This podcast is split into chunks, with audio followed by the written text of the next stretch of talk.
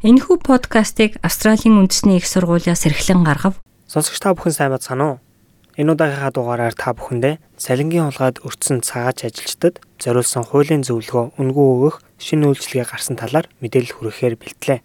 Гадаадын оюутнууд болон богино төр хугацаагаар ирж байгаа цагаачдын дунд салингийн хулгай маш ихээр гардаг. Тэгвэл иймэрхүү хэрэгт өртсөн хүмүүс New South Wales мужид хэрэгжүүлж байгаа 1.6 сая долларын төслийн хүрээнд үнгүй хуулийн зөвлөгөө авч болох боллоо.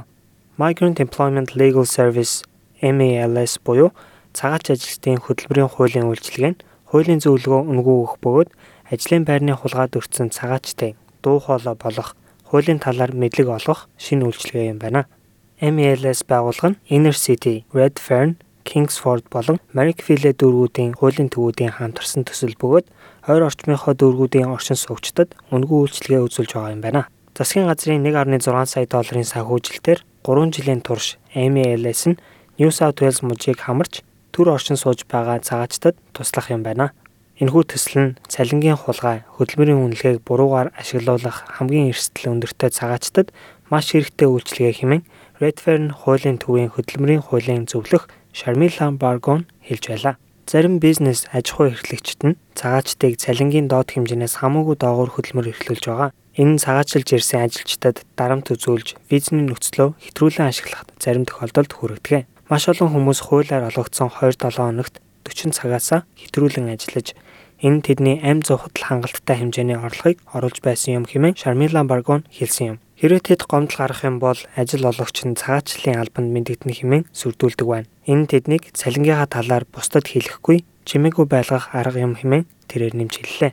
Гадаад улсын оюутан Катерина цагт 12-оос 14 долларын цалинтайгаар эхний хоёр ажилдаа ажиллаж байжээ. Энэ Сидней хотын жижиг хэмжээний цайны газар байсан байна. Миний хувьд бэлэн мөнгөөр цалинждаг байсан. Бичгээр байгуулсан ямар нэгэн гэрээ байгаагүй.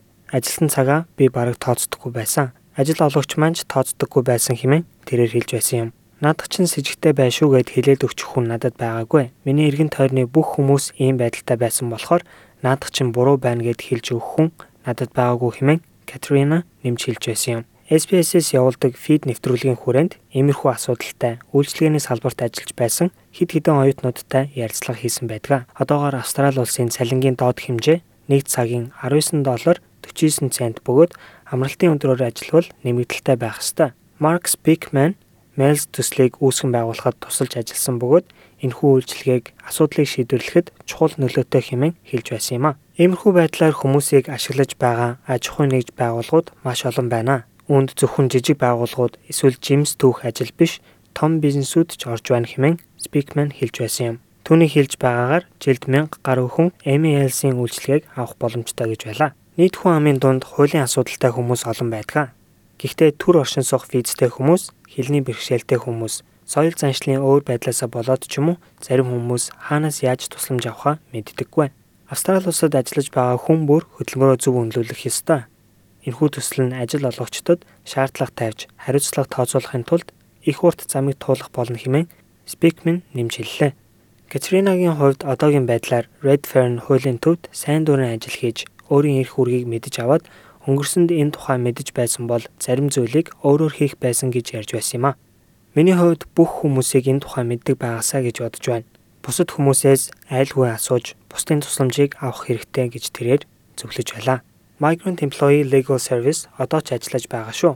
Тэдэнтэй TIG 2 8002 12 TIG 3 дугаард холбогдож хуульчтай үнгүй уулзах цагаа аваарай. SBS feed нэвтрүүлэг 7 хоногийн пүрэв гараг бүр 20 цаг 30 минутаас мөн бэм гараг бүр SBS Viceland дээр 17 цагт гарч байгаа шүү.